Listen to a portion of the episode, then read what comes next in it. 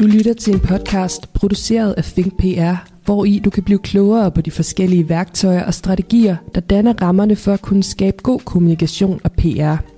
Uanset om du er en erfaren PR-professionel eller blot er nysgerrig på, hvad der former nutidens PR- og kommunikationslandskab, inviterer vi dig med, når vi udforsker cases fra den virkelige verden, taler med eksperter og giver konkrete råd, der hjælper dig til at navigere i PR- og kommunikationsbranchen. Jeg er din vært, Emilie Søndergaard Christiansen. Velkommen til Think About It.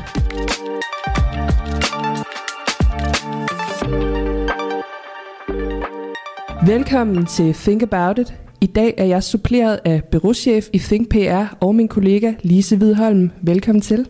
Hej Emilie, tak for det. Og øh, med os i dag har vi fået dig, Henrik Reves.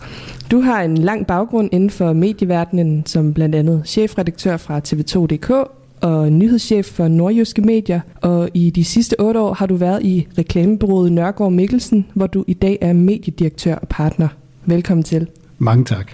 Vi har jo inviteret dig med i dag, fordi at vi skal tale om influencer marketing og influencer troværdighed. Og øh, det skal vi blandt andet, fordi at I hos Nørgaard Mikkelsen i september præsenterede nogle ret spændende resultater fra en performanceundersøgelse, I havde lavet. Og her i der fremgik det, at øh, influencer marketing er midt i et gennembrud, som forventes for alvor at slå igennem i 2024. Vil du ikke sætte nogle flere ord på den her undersøgelse og resultaterne? Jo, det kan du tro. Det vil jeg meget gerne. Øh, influent markedsføring øh, har jo været med i mange år. Altså, øh, nu nævnte du selv min fortid på TV2, hvor jeg har øh, siddet, og, og på det tidspunkt var det blokkontrakter, som jeg forhandlede med Karoline Wozniacki og Chris Anker Sørensen blandt andet. Så det, ja. det er jo ved at være nogle år siden, kan man høre, ikke også? Øh, og øh, så det er jo noget, der har eksisteret i lang tid, og, øh, og det som influenterne jo kan, det ved vi alle sammen, det er, at de kan nedbryde barriere, øh, som gør, at folk gerne vil involvere sig med dem og lytte på dem. Øh, det har de sådan set kunnet altid. Øh, og spørgsmålet er jo så godt, hvorfor, hvorfor har det taget nogle år før, at det for alvor begynder sådan at blive noget, der øh, kan veje igennem i de store mediebudgetter? Det er simpelthen fordi, der har manglet en professionalisering på influenterområdet. At influenterne har arbejdet øh, typisk øh, uden særlig meget rådgivning. Mm. Og det vil sige, at de fleste influenter, de er jo blevet store, fordi at de brænder for et emne. Og så øh, er de blevet øh, forbilleder, inspiratorer inden for det emne, de brænder for, og så er folk begyndt at følge dem. Mm. Øh, men det er jo ikke det samme som, at de har en professionel kommunikations- eller marketingbaggrund. Mm. Øh, og derfor så øh, øh, har det været svært for brands nogle gange at indgå samarbejder med influenter, fordi det er blevet nogle dårlige samarbejder. Influenterne har skulle håndstyres rigtig meget. Det må du ikke sige. Nej, nej, nej, nej, det må du slet ikke sige. Det har sådan været den måde, det har fungeret på, og derfor så har brandsene været lidt tilbageholdende, plus at, at, at, at helt ansvaret for effekten har også ligget hos brandet. Så det har været sådan en, øh, øh, du, du betaler, og så krydser du fingre og håber for, at du får noget marketing-effekt ud af det. De senere år er flere og flere influenter begyndt at lade sig repræsentere af agenter. Mm. Og agenterne, de har en professionel baggrund, typisk fra kommunikation, øh, reklame, marketing verdenen. Øh, og det vil sige, øh, de dygtige agenter, de uddanner deres influenter, ikke for at lave om på deres kanal, men for at gøre dem dygtige til at indgå i samarbejder med eksempelvis brands. Mm. Og det kan vi begynde at mærke effekten af nu. Hvordan vil jeg så spørge? Jamen, vi kan mærke det. For det første, så, så kan vi mærke det ved, at samarbejdet bliver meget mere professionelt. Og det vil ja. sige, at når vi øh, når vi lægger et brief ud til influenterne, så kan vi mærke, at oplever vi et kreativt brief, at deres evne til at spille inden for den ramme bliver meget, meget bedre hele tiden. De bliver super dygtige. Altså, de er blevet super dygtige de senere år til at tænke kreativt. Og man kan sige, at det der er, det er, hvis du tager, influencing startede med at blive stort inden for fashion, og fashion er også nemt, fordi, okay, du giver folk en jakke på, og beder dem om at gå op af en rød løber, og så er de influenter, og så kan man snakke om den jakke. Men hvis du skal lave influentmarkedsføring øh, for blæer, eller for blomsterfrø, eller et eller andet, så er du nødt til at, at, at tænke det mere sammen. Det kræver rigtig meget samtænkning med influentens, øh, øh, med den profil, influenten har i forhold til sine følgere, med de produkter, brandet har, med det brandet står for osv. Så, videre. så det er en meget større kreativ opgave at få tingene til at passe naturligt sammen. Og det er der, vi kan mærke, at det er influenterne blevet meget, meget dygtigere til de sidste par år. Altså virkelig meget dygtigere. At nu kan de få de her øh, øh, briefs fra et brand og få den overordnede kampagnebudskab og sige, jeres rolle i det her, det er at gøre sådan her, øh, gøre folk begejstrede for, øh, øh, for øh, at, at være sammen fysisk for eksempel, og involverende, at man hygger sig sammen, at man øh, spiller brætspil sammen, eller man læser højt for sine børn, eller et eller andet. Så jeres rolle er at skabe begejstring. Der, I skal gøre det i samspil med brandet, øh, selvfølgelig at forstå, hvad det er, brandet står for, og der er også, men, men I må, og der kan vi mærke, at de der helt crazy ting, hvor man tidligere altså sådan løb lidt på begge sider og skulle prøve at holde dem inde på cykelstien, det behøver man ikke mere. Mm. Og Lise, vi arbejder jo også med influencer her hos Think PR. Hvordan oplever du de her ting, som Henrik for eksempel fortæller nu? Jamen, jeg, jeg er meget enig. Jeg kan virkelig ikke genkende til det, du siger. Øh, hvad hedder det? Øh, nu er min baggrund ikke lige så lang som din, men jeg, jeg, jeg kom, øh, kom ind i, i PR-verdenen og generelt arbejdet professionelt med kommunikation, lige da hele det her influencer, det så småt begyndte at være en ting. Og jeg kan jo virkelig se en ud, øh, udvikling netop i, som du siger, vi, vi, vi sender et produkt, eller hvad det nu kan være, og så krydser vi fingre og håber, at det kan blive vist eller omtalt øh, i, i, i en eller anden forstand. Og så til nu, hvor man, som du også siger, arbejder meget mere professionelt med det. Øh, der er agenter involveret, og der er briefs, som kan være mere eller mindre øh, åbne og, eller, eller lukket, alt efter hvad der sådan ligesom er, er behov for, og hvor meget kreativitet og frihed øh, influencerne også har arbejdet under. Øh, så, så jeg kan virkelig, virkelig genkende til, øh, til, til det, du fortæller. Øhm, og og, og synes også, det er sådan, vi selv oplever at arbejde med det her, at, at, at vi får nogle briefs, og så handler det jo selvfølgelig om at finde nogen, der, der passer til, øh, og, og, og så ja, brief dem ordentligt og sørge for, at, at, at de også har en eller anden form for kunstnerisk frihed til os at give deres eget islet, øh, som jo også er det, man, man køber ind i. Øh, ja, så, så jeg synes, det, det giver god mening. Jeg synes, det er spændende at høre øh, den udvikling, der har været. Ja. Og så øh, kan man sige, at det er jo en positiv udvikling, men så er der jo for nylig også kommet en troværdighedsundersøgelse, hvor man måler omkring forskellige erhverv herhjemme. Og her scorer influencer simpelthen lavest på listen over troværdighed. Hvordan hænger det sammen med, at der ligesom er et boom på vej, og det går så meget fremad med influencer?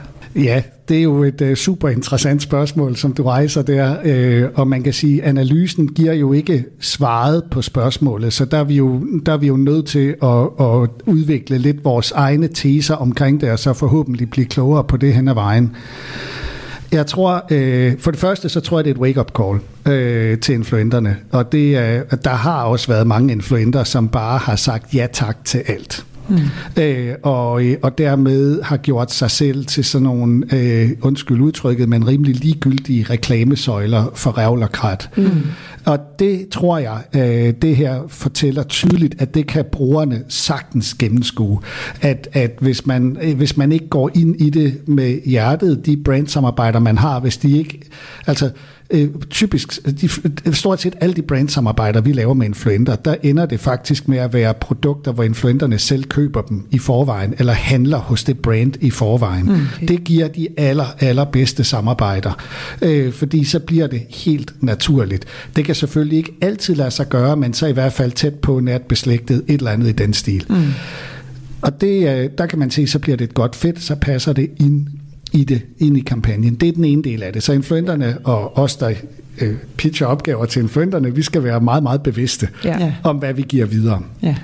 Så er der den anden del af det, øh, som jeg tror er lige så vigtig. Øh, fordi nu, jeg har en datter, hun er 16 år. Mm. Hun følger også en masse personer på Instagram og TikTok, og mm. jeg synes, at dem hun følger, de er faktisk ikke ret kloge at høre på. Det er godt nok nogle hjernedøde influenter. Mm. Mens dem jeg selv følger, det er jo forbilleder og inspiratorer og nogen, der jeg deler en interesse med. Ja.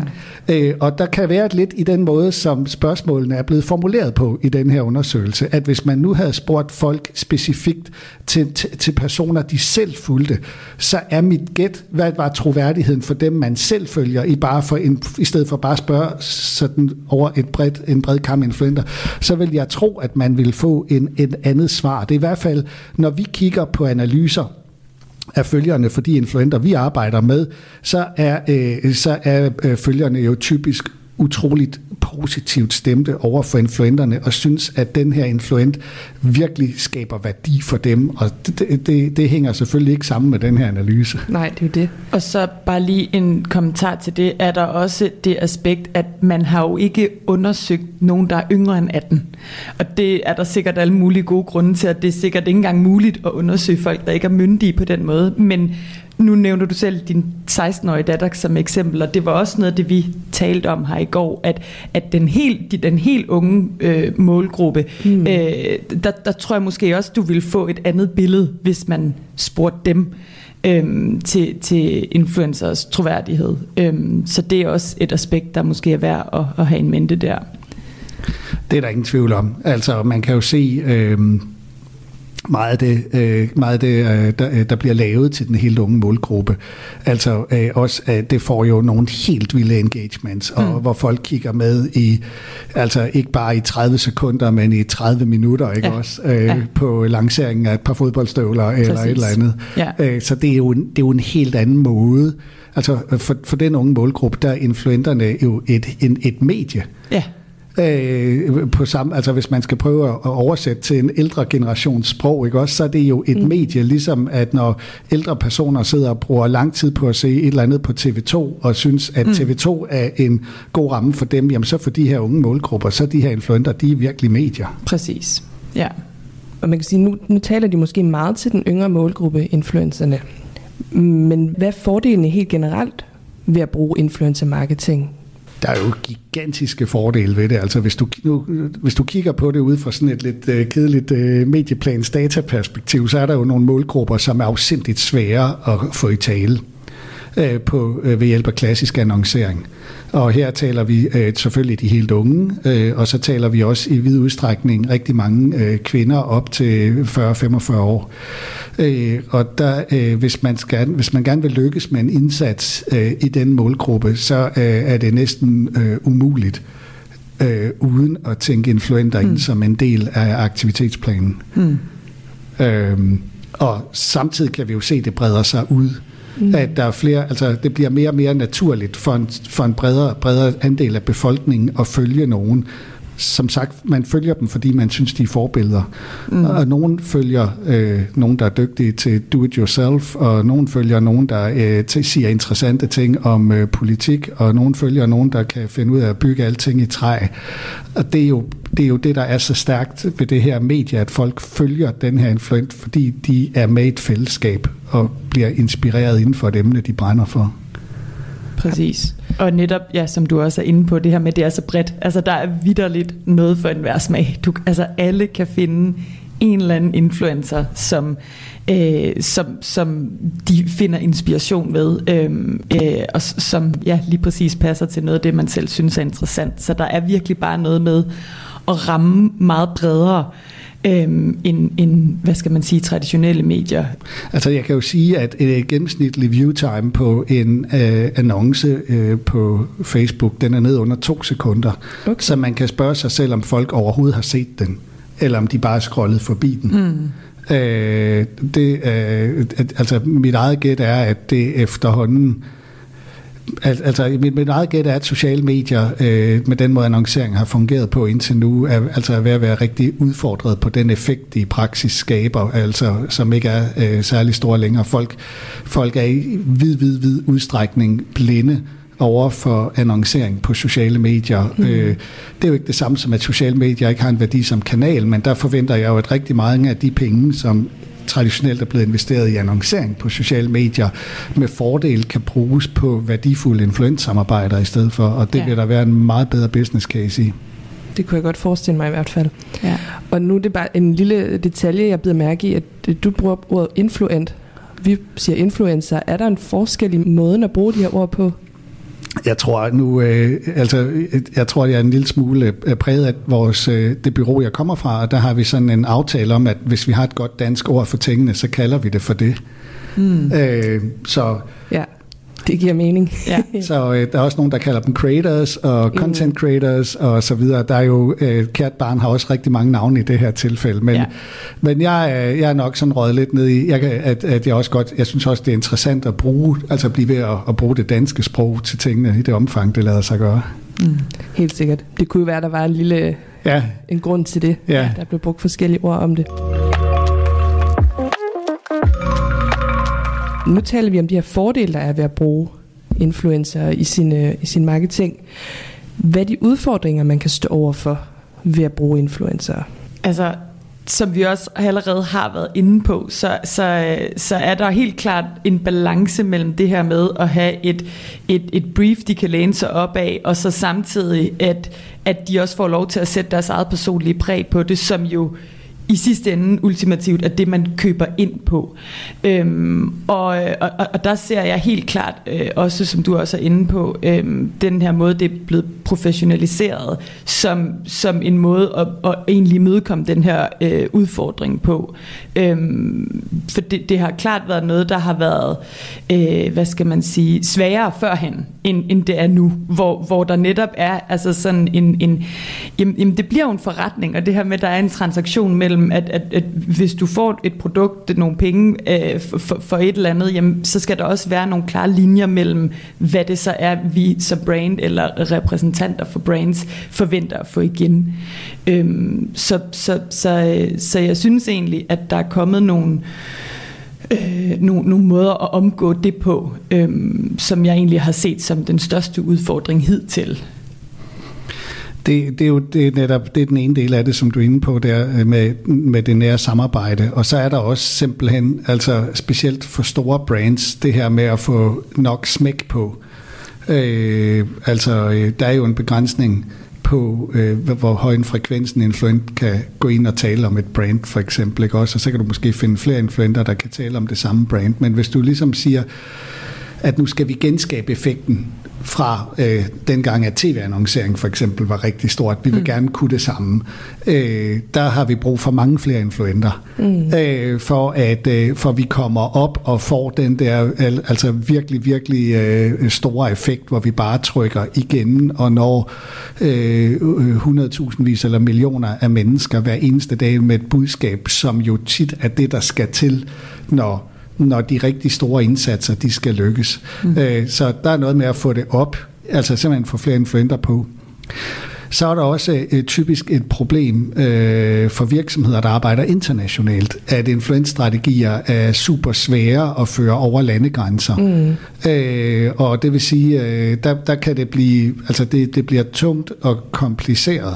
Mm. Øh, hvis du bare, vi har nogle kunder, der, hvor, det, hvor vi arbejder i det skandinaviske marked, og selvom det kun er nogle få lande, allerede der, så øges kompleksitetsgraden rigtig, rigtig meget i at arbejde med influenter. Ja. Så den der internationale skalering, der er, også, altså der er også brug for at tænke nogle tanker i forhold til, hvordan man gør det, om det er nogle agencies, der også kan arbejde, hjælpe med at arbejde internationalt, eller hvad der skal til, det ved jeg ikke, men der er en udfordring. Mm. Og der er i hvert fald stadigvæk behov for, at man øh, tilpasser indholdet lokalt, øh, selvom at, at det er internationale store brands, helt sikkert. Øh, det, det kan jeg sagtens følge dig i. Øhm, og så skal man selvfølgelig heller ikke underkende det her, vi talte om før med troværdigheden, øhm, at, at, at det spiller også stadigvæk ind. Øh, og det tror jeg også hænger sammen med noget af det, du også var inde på, Henrik. Du, du nævnte før, at, at der har været en tendens til, eller blandt nogle har kunne være en tendens til, simpelthen at sige ja til for mange ting.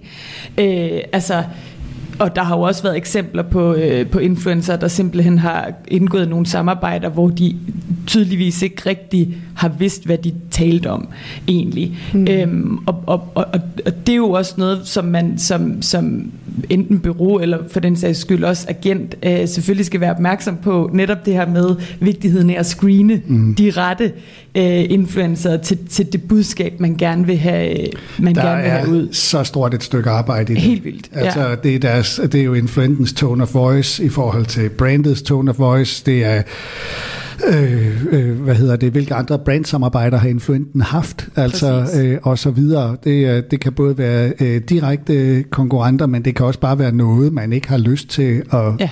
at være i båd med. Så det, der er et stort stykke samarbejde, eller et stort stykke arbejde i hele tiden at sikre, at de der samarbejder begynder det rigtige sted. Ja, lige præcis. Nu var vi jo inde på det her med, at det i undersøgelsen omkring troværdighed er fra 18 til et vis, en vis aldersgruppe. Og det kan godt være, at det er måske professionalisering, der gør det, men kan man øge, altså, tror jeg, der er mulighed for at øge troværdigheden omkring influencer ind den ældre aldersgruppe? Øh, ja, altså jeg tror, det handler jo først og fremmest om, der er jo, jeg tror, når du sådan kommer et stykke op i alder, så er der jo også nogen, som måske ikke følger influenter så meget, og for hvem at det er noget, de læser om i avisen. Mm. Øh, og de læser om det, når en eller anden har øh, sagt noget dumt, eller har tabt nogle penge, eller et eller andet. Ikke? Og det farver selvfølgelig øh, billedet af det.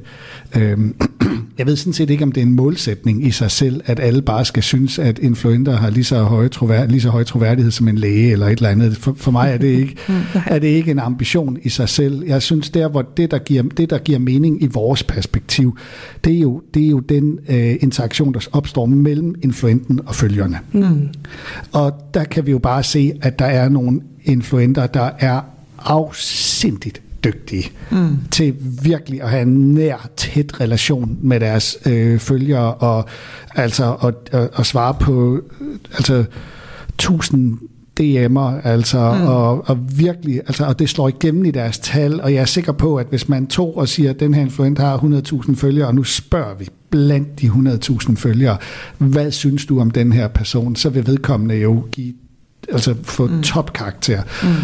Og det er for mig at se det vigtigste. Og hvad alle andre så går rundt og synes. Altså jeg kan jo også have alle mulige, det kan jo, hvis man nu spurgte mig om noget, øh, lad os sige en politiker, jeg var uenig med, mm-hmm. så vil jeg jo heller ikke synes, at vedkommende var super cool. Nej. Men jeg går ud fra, at vedkommendes vælgere synes, mm. at vedkommende er super cool. Og jeg tror, det er den samme metodik, vi skal have på her. Ja, det, øh, ja, det er jeg egentlig enig med dig i. Det har jeg ikke så meget til. Nej, det tror jeg også er en rigtig god pointe at have med. Øhm, når man kigger på jeres undersøgelse fra Nørgaard Mikkelsen og den her troværdighedsundersøgelse, hvor der er det her lille clash, og der er nogle forskellige grunde til det. Men tror du så stadigvæk, at fremtiden for influencer marketing er lys? Ja, ja det tror jeg. Altså nu de to undersøgelser lyser jo på nogle forskellige ting, og mm. man kan sige, det vi gjorde, med, da vi lavede vores analyse, det var, at vi har øh, brugt en, en måleparameter, der hedder ACPM, Attentative CPM, som er sådan en måde, man måler medieeffekt på. Og øh, øh, der måler man, hvor langt, hvor meget man betaler for at få opmærksomhed. Typisk har man, når man har målt medieeffekter, så har man bare målt, hvor langt, hvad koster en eksponering. Men her der måler vi så på, på tidsforbruget i stedet for. Øh, og der viser influenter sig jo at være rigtig, rigtig konkurrencedygtige med alle andre medieplatforme. Øh, og, øh, så det vil sige, der tror jeg alene af den grund, at, det, at der står de der står hele influentområdet super stærkt. Mm. Altså fordi det er konkurrencedygtigt, når du måler det, og når du, når du måler det på den rigtige måde, på den effekt, det reelt skaber. Mm. Og der kan man sige, der er influenter også, altså hvis du skal skabe en kommunikativ eller en marketing-effekt, så skal du også have et øh, opmærksomheden fra folk i et vist stykke tid. Altså der er sådan nogle studier, der viser, at hvis folk er blevet præsenteret for et eller andet øh, i mindre end en 8-9 sekunder, og du spørger dem om det dagen efter, så kan de overhovedet ikke huske, at de har set det. Mm. Og det er jo en af udfordringerne i rigtig meget digital annoncering, at det ligger som, som sådan en, en, en baggrundsundersumme, som ikke når de der kvalitetseksponeringer øh, over for folk. Det gør influenterne. Mm. Øh, og det kan vi måle. Det giver effekt. Så når folk bruger 45 60 sekunder, hvor en influent taler om et eller andet emne, der interesserer dem, og det er jo et, et brandsamarbejde, og tingene går op i en højere enhed, så virker det. Ja. Det, altså man kender det jo fra sig selv. Er I ikke også stødt på de der øh, undersøgelser på Instagram eller Facebook med sådan, har du, har du set det her brand mm. i den, altså sådan, jo. Ja. Og jeg tænker, det ved jeg da virkelig. Nej, præcis. Nej, jeg, jeg tænker hver gang, at øh, jeg må være i kontrolgruppen, for jeg kan overhovedet ikke huske, at jeg har set det. præcis, præcis. Oh, øhm, ja, og, det, og, og samtidig kan jeg også godt genkende til, at det er jo flere gange, man taler om et eller andet, man har set, der netop er en af dem, man selv har aktivt valgt at følge, har omtalt et eller andet. Ikke? Altså, mm. øhm, så, øh, så ja, helt sikkert. Så man kan sige, der hvor, det, der hvor influenterne er rigtig, rigtig konkurrencedygtige, det er sådan på at skabe opmærksomhed og på at skabe fordybelse. Mm. Det, det er de to ting, som de er virkelig, virkelig gode til. Og særdeleshed fordybelse, det, der vil jeg sige, når man kigger på tallene der, der, der, er, det, der er de nærmest second to none. Ja, okay. Øh, og når du så går ned og så går rent taktisk og siger, nu skal der bare øh, sparkes nogle varer over disken, øh, der, er det, der, begynder, der er det så heller ikke influenterne. Men de, hvis man skal bruge sådan en marketingterm, så er det midfunnel-delen, som influenterne er virkelig, virkelig gode til. Og til gengæld også der, hvor brandsene typisk har rigtig svært ved det. Okay. Altså, øh, at ja, men du kan godt gå ud, og du kan være øh, på busbagender, og du kan være på YouTube og alle mulige steder, og folk ligesom lærer dig at kende, men de ved sgu stadigvæk ikke rigtigt, hvad du står for. Mm-hmm. Det er det, som influenterne kan hjælpe med. Ja, det synes jeg virkelig er en god pointe. Og lidt forlængelse af det her til sidst. Hvis I skulle give et øh, opsummerende råd eller en opsummerende pointe omkring influencer marketing, hmm. hvad kunne det så være? Jeg synes helt klart, der er øh, noget meget vigtigt i at komme godt fra start i forhold til, hvem man vælger. Altså sådan hele selekteringsprocessen fra et brands perspektiv, øh, når man skal ud og, og, og finde influencers. Og så egentlig hele vejen derfra og så til, øh, man skal have rapporteringen i sidste ende, og have, og det har du også været inde på, Henrik, det her med at have en, en, en god relation, tæt samarbejde øh, med dem, man så ender med øhm, og, øh, og, øh, at indgå et, et samarbejde med. Ja. Jeg tror, mit gode råd, det handler om at gøre det med vilje. Øh, der er rigtig mange brands, som har, hvor influent markedsføring har været en eftertanke. Øh, der er dukket nogle penge op nede i marketingchefens skuffe på grund af et eller andet budget, der ikke er blevet brugt ligesom planlagt. Og så siger man, vi kan også lige købe nogle influenter. Mm. Øh, og så bliver de klasket på øh, på siden, øh, uden at man egentlig har en dybere idé med det. Og influent markedsføring, det bliver først rigtig, rigtig godt, når det er tænkt sammen med alle ens øvrige marketingaktiviteter. Når influenterne ved, hvad det er for en samlet pakke, de indgår i af marketingaktiviteter, og hvad det er, deres rolle er i, i forhold til, hvad de skal skabe. Så, så mit gode råd, det er gør det med vilje. Altså, når nogle flere, der skal gøre det, og de skal gøre det med vilje, så, mm. øh, så tror jeg, at de vil opleve, at resultaterne de bliver rigtig, rigtig spændende. Helt sikkert. Det er også et godt råd. Absolut. Tusind tak til dig, Lise Hvidholm, for at tale med i dag. Selv tak. Og især kæmpe tak til dig, Henrik Reves, for at have lyst til at være med i Think About It. Tak for invitationen.